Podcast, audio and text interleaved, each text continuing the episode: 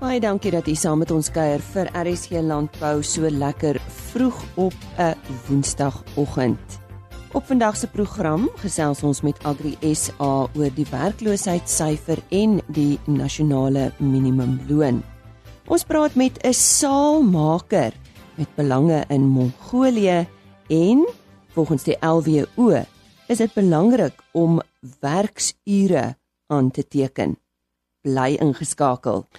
Die nasionale werkloosheidssyfer het in die derde kwartaal van die jaar met 30 basispunte toegeneem en die uitgebreide werkloosheidssyfer staan tans op 37,3%. Nou die die situasie is nog erger natuurlik in ons landelike gebiede en Janie de Villiers van Agri Suid-Afrika gesels nou oor hierdie probleem en wat rolspelers te doen staan.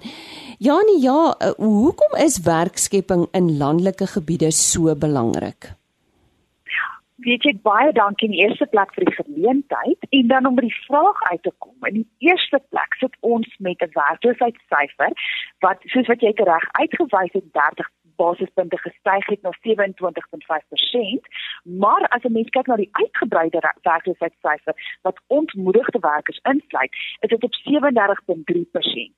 Nou asof dit nog nie te erg is nie, kyk 'n mens in die landelike gebiede na 'n werkloosheidssyfer van sowat 41%. So dit is van uiterste uiterste belang dat al ons kollektiewe idees gespits moet word op die landelike gebiede om te sorg dat die werk wat ons skep binne in die landelike gebiede is en nie noodwendig net in die stede wat dan verdere migrasie gaan gaan uh, bewerkstellig nie. Sjoe, 41% is baie hoog. Wat is die landbou arbeidssituasie situasie sedert 2008? Well, op hierdie stadium staan ons op omtrent 842000 werke binne in landbou. Dis nou hierdie afgelope derde kwartaal die syfers wat daar beskikbaar is. Nou as 'n mens kyk na wat gebeur het van 2008 af tot nou, was daar 'n tydjie ongeveer 2014 waar hierdie syfer geval het tot so laag as 643000. Hy het nou weer teruggekom na na die 800 wat baie goed reflekteer soort van 'n lyntjie trek na waar hy gestaan het rondom 830000 in in 2008. Ehm um, en dit beteken net op die einde van die dag dat ten spyte van die feit dat landbou gebuk gaan onder dinge soos droogtes en ander rampe en krisisse wat gebeur het oor die afgelope paar jaar, is daar steeds die potensiaal om werk te skep. Ons wil so ver gaan om te sê ons glo ons sektor indien ons beleidssekerheid en ordentlike ondersteuning van die regering afkry, sal die nommer 1 werkskepingssektor in die land wees. Wat is die redes hiervoor? Op die ouene van die dag dink ek dit gaan maar grootendeels oor die feit dat daar nie 'n ander sektor is wat kan werk skep in die landelike gebiede nie. Die boere is ideaal geleë en die landbou is ideaal geleë om vir ons daar in die landelike gebiede impak te hê. Nou as jy mens kyk na hoe die syfers geloop het rondom 2014, is dit moeilik om te bepaal. Um dinge soos droogte byvoorbeeld het 'n geweldige impak op veral as jy mens gaan kyk in jou meer arbeidsintensiewe kommoditeite, um jou vrugtebedryf byvoorbeeld wat nou in die afgelope paar jaar regtig gebuk gegaan het onder verskriklike droogte. Dit beteken net op die einde van die dag dat daar nou minder seisonale arbeiders in diens geneem word. Dit werksgeleenthede alhoewel dit nie vir 'n volle jaar of 'n permanente tyd daar was nie. Um dit het steeds werksgeleenthede wat wat verlore gaan as gevolg van faktore wat buite die produsente se beheer is. So Janie, wat doen julle Agri SA in hierdie verband? Agri SA verteenwoordig georganiseerde landbou op elke liewe vlak waar die produsente se belange dalk ter, ter sprake kan wees. Nou prakties gesproke beteken dit ons is betrokke by prosesse uh, deur Netlek. So ons was by die afgelope Job Summit proses betrokke gewees, die hele 3 maande proses vooraf waar ons gekyk het na waar die stelselblokkades moontlik kan wees vir al die sektore in Suid-Afrika wat veroorsaak dat ons nie werk skep soos wat ons kan dalk of wat die die potensiaal dalk kan wees nie. Ehm um, ons is betrokke by verskeidenheid taakspanne binne in die netlek omgewing. Ehm um, een van hulle is die nasionale minimum loon taakspan. Ehm um, en dit is geweldige uh, lang lang prosesse en harde werk en goed wat lyk asof dit nie noodwendig altyd tot 'n punt kom en ek sê altyd vir vir boere as ek met hulle gesels, ek doen dit met liefde sodat hulle nie in in daai vergaderings hoef te sit nie. En dit dit is ook hoe ons ons taak sien. Nou wat nasionale forums betref, soos ek nou genoem het, is daar netwerk en dan is daar ook die nasionale minimumloonkommissie. Nou dit is die liggaam wat gaan kyk volgens die nasionale minimumloonwet na aanpassing van die minimumloon. Dit gaan kyk na na um, enige diensvoorwaardes te doen met vergoeding, 'n um, klomp ander dinge ingevolge die wet en die nasionale minimumloonkommissie is dan ook op die 7de Desember 2018 in die lewe geroep en, dan nou aangekondig. Uh tydens dieselfde geleentheid is die nasionale minimumloonwet ook ingestel. Um deur proklamasie so dit beteken al die praktiese aspek met die implementeringsdatum en alles wat daarmee gepaard gaan tydens dieselfde geleentheid op die 7de Desember aangekondig.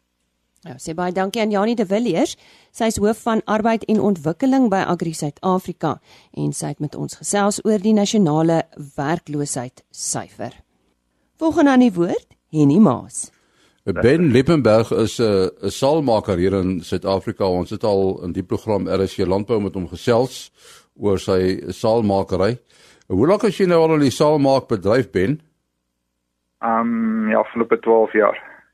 Hoe hoe het gebeur dat jy nou begin saals maak? Ek neem aan dat jy ook 'n uh, ruiter is.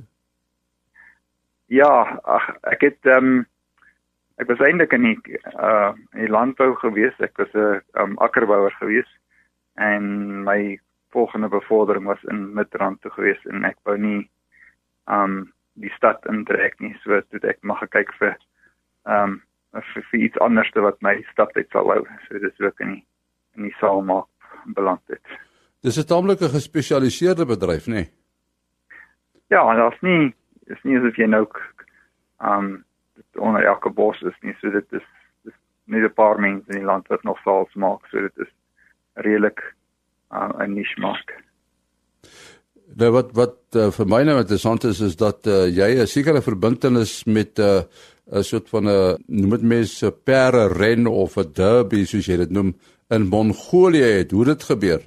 Die afgelope 5 jaar maak ons die sal sal vir die die Mongol derby. Dit is 'n 1000 km reisie wat in Mongolië plaasvind elke 'n jaar.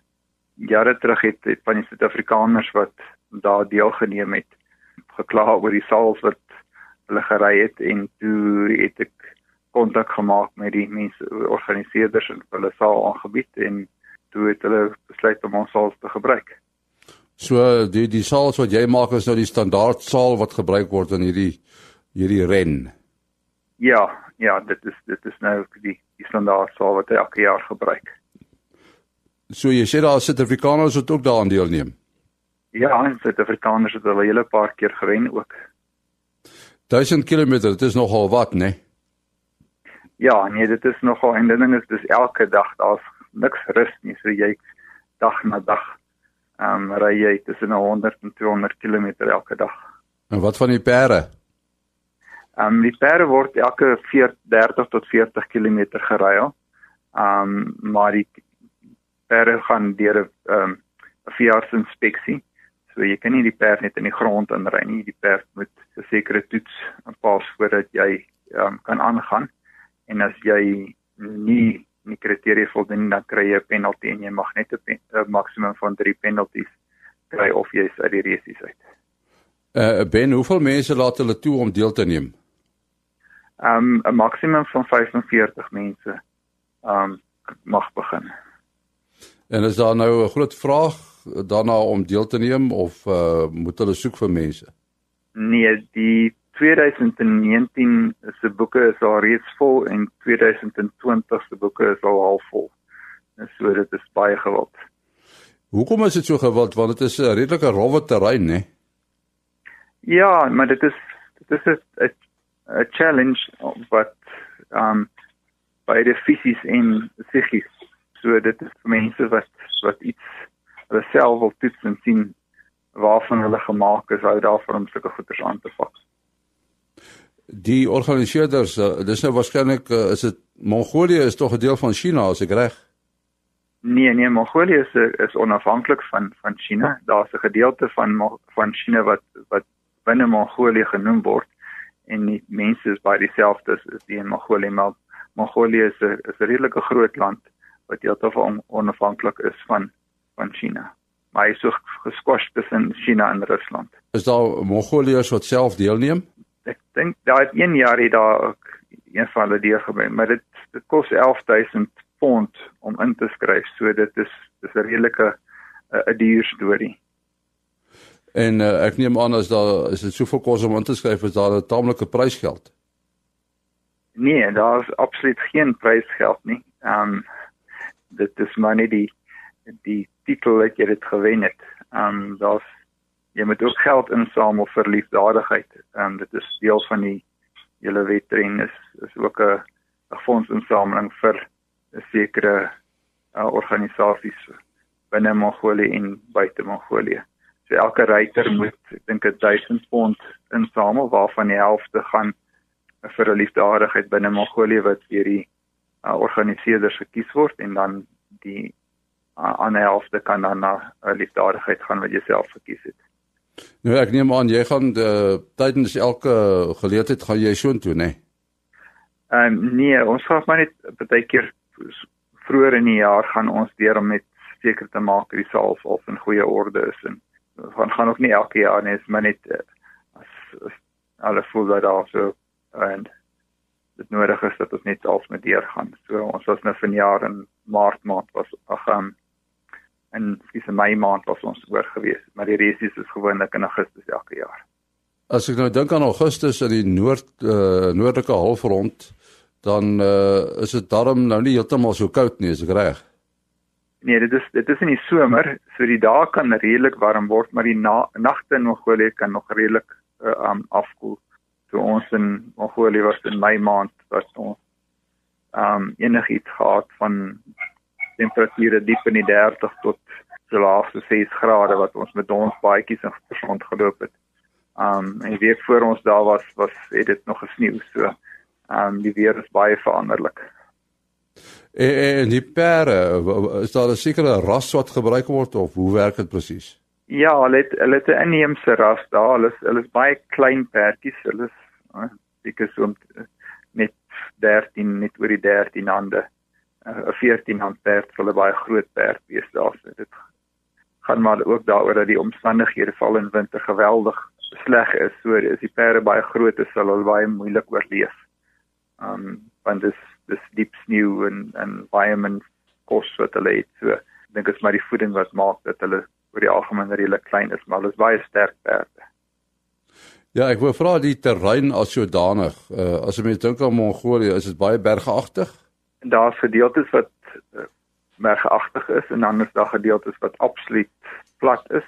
Die gedeelte waar nie derby gery word is gewoonlik maar 'n variasie van van plat woestyn en berge. Uh so dit hulle probeer dit maar nie als dieselfde hou nie. Nou die saals wat jy voorsien, hoe het jy geweet uh, dat die saals wat jy maak dat hulle daarvan gaan hou?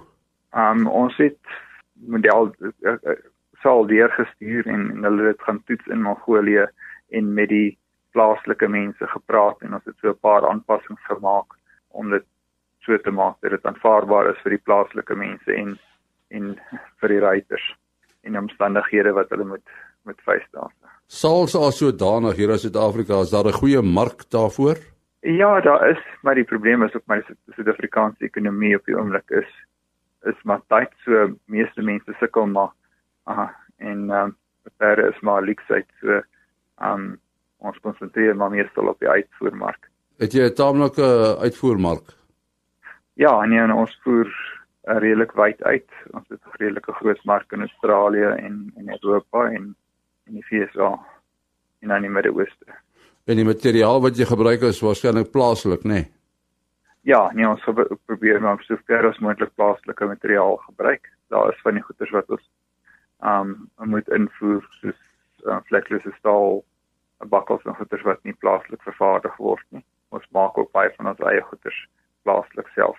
Ons praat baie dikwels oor die vordering van tegnologie.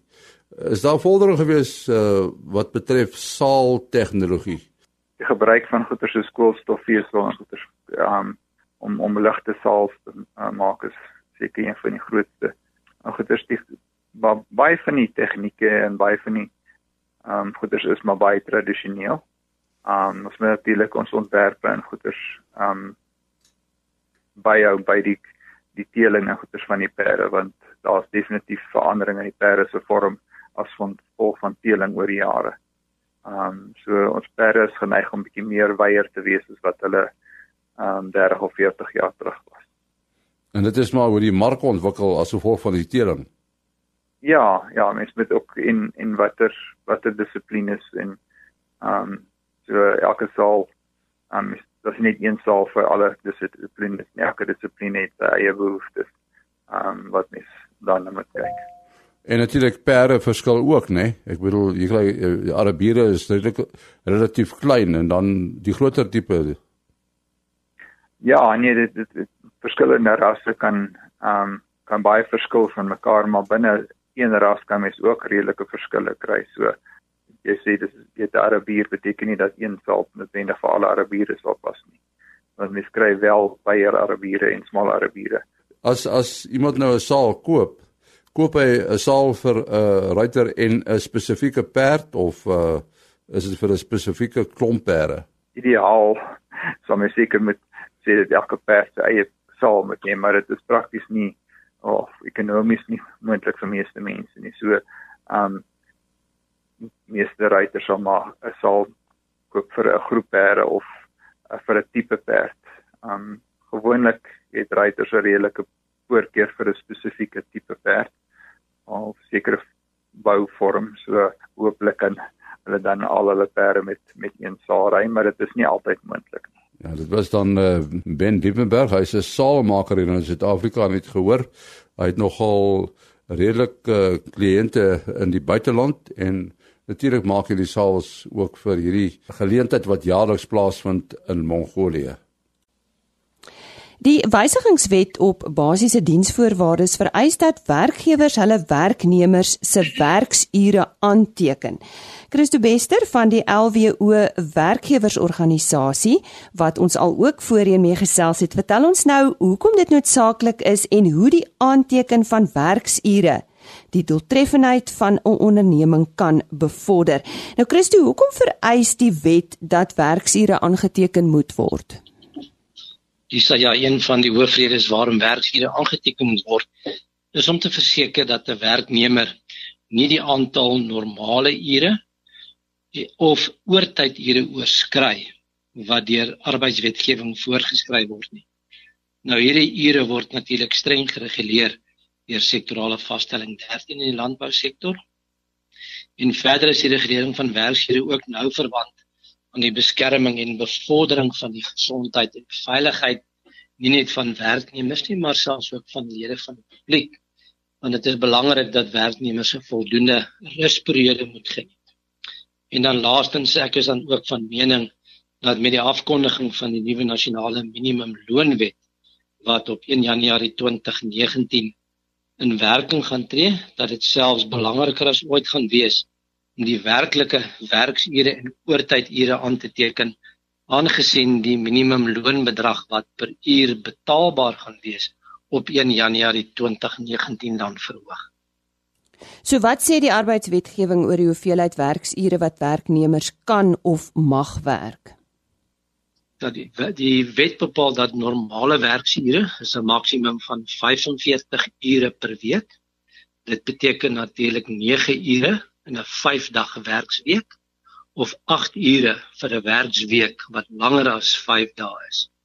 Dan die oortyd hier is 'n maksimum van 15 ure 'n week of as jy dit terugwerk na per dag toe dan is dit slegs 3 ure per dag.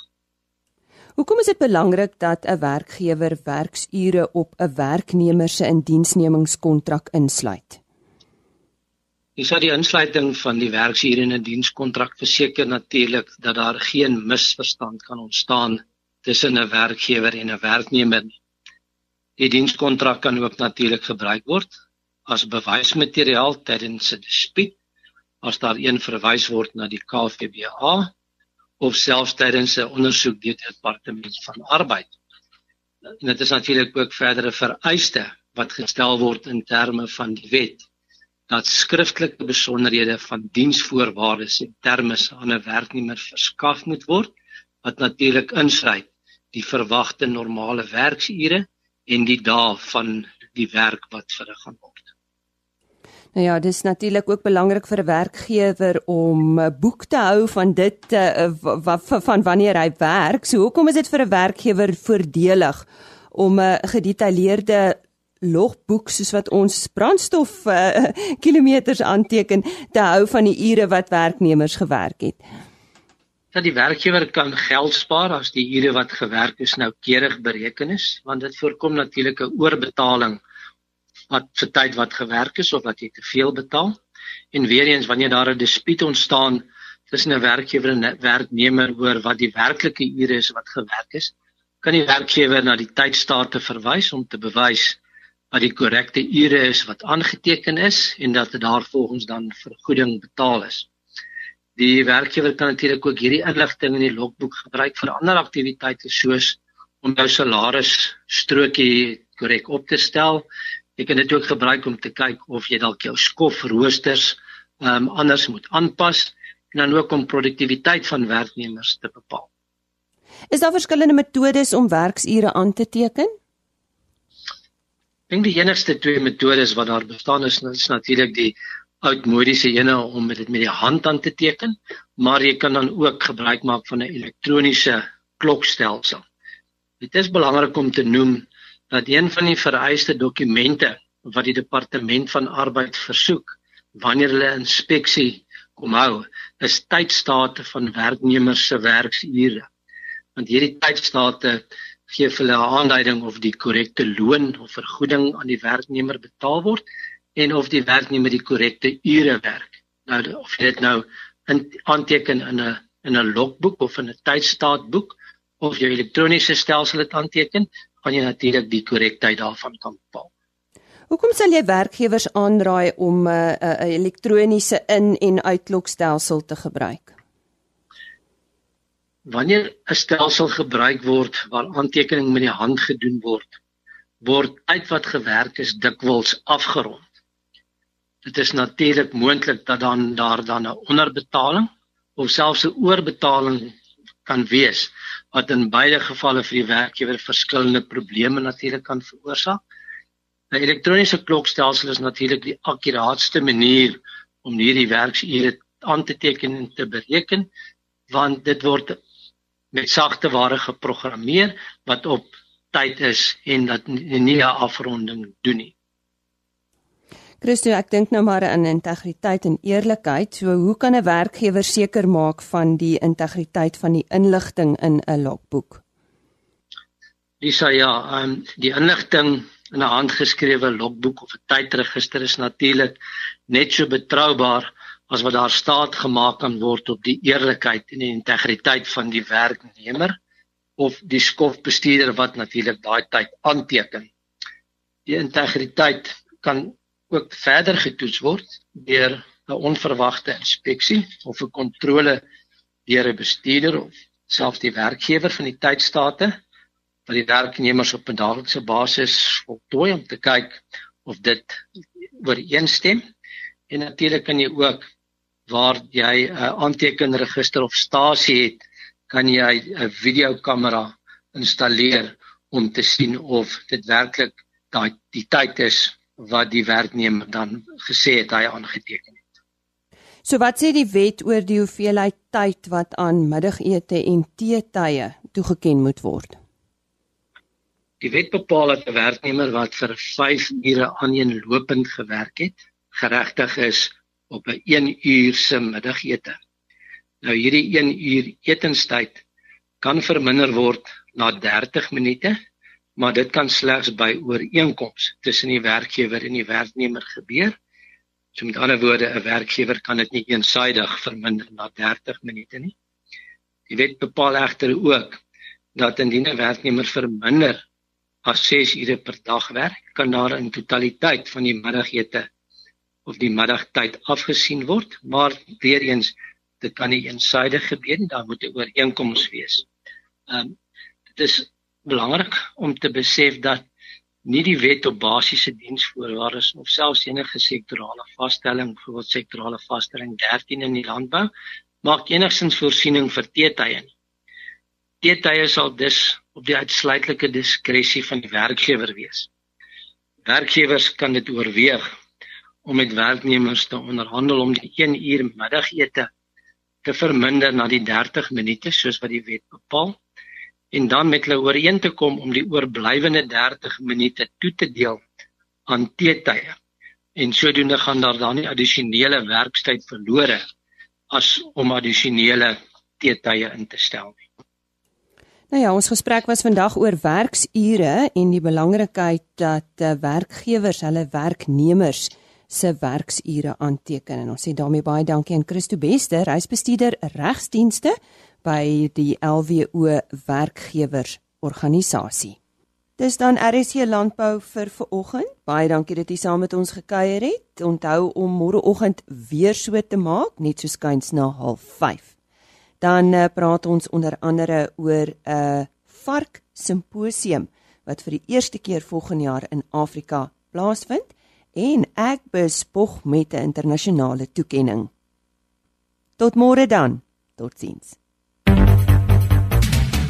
RSG Landbou is 'n produksie van Plaas Media. Produksieregisseur Henny Maas. Aanbieding Lisa Roberts. En inhoudskoördineerder Jolandi Root.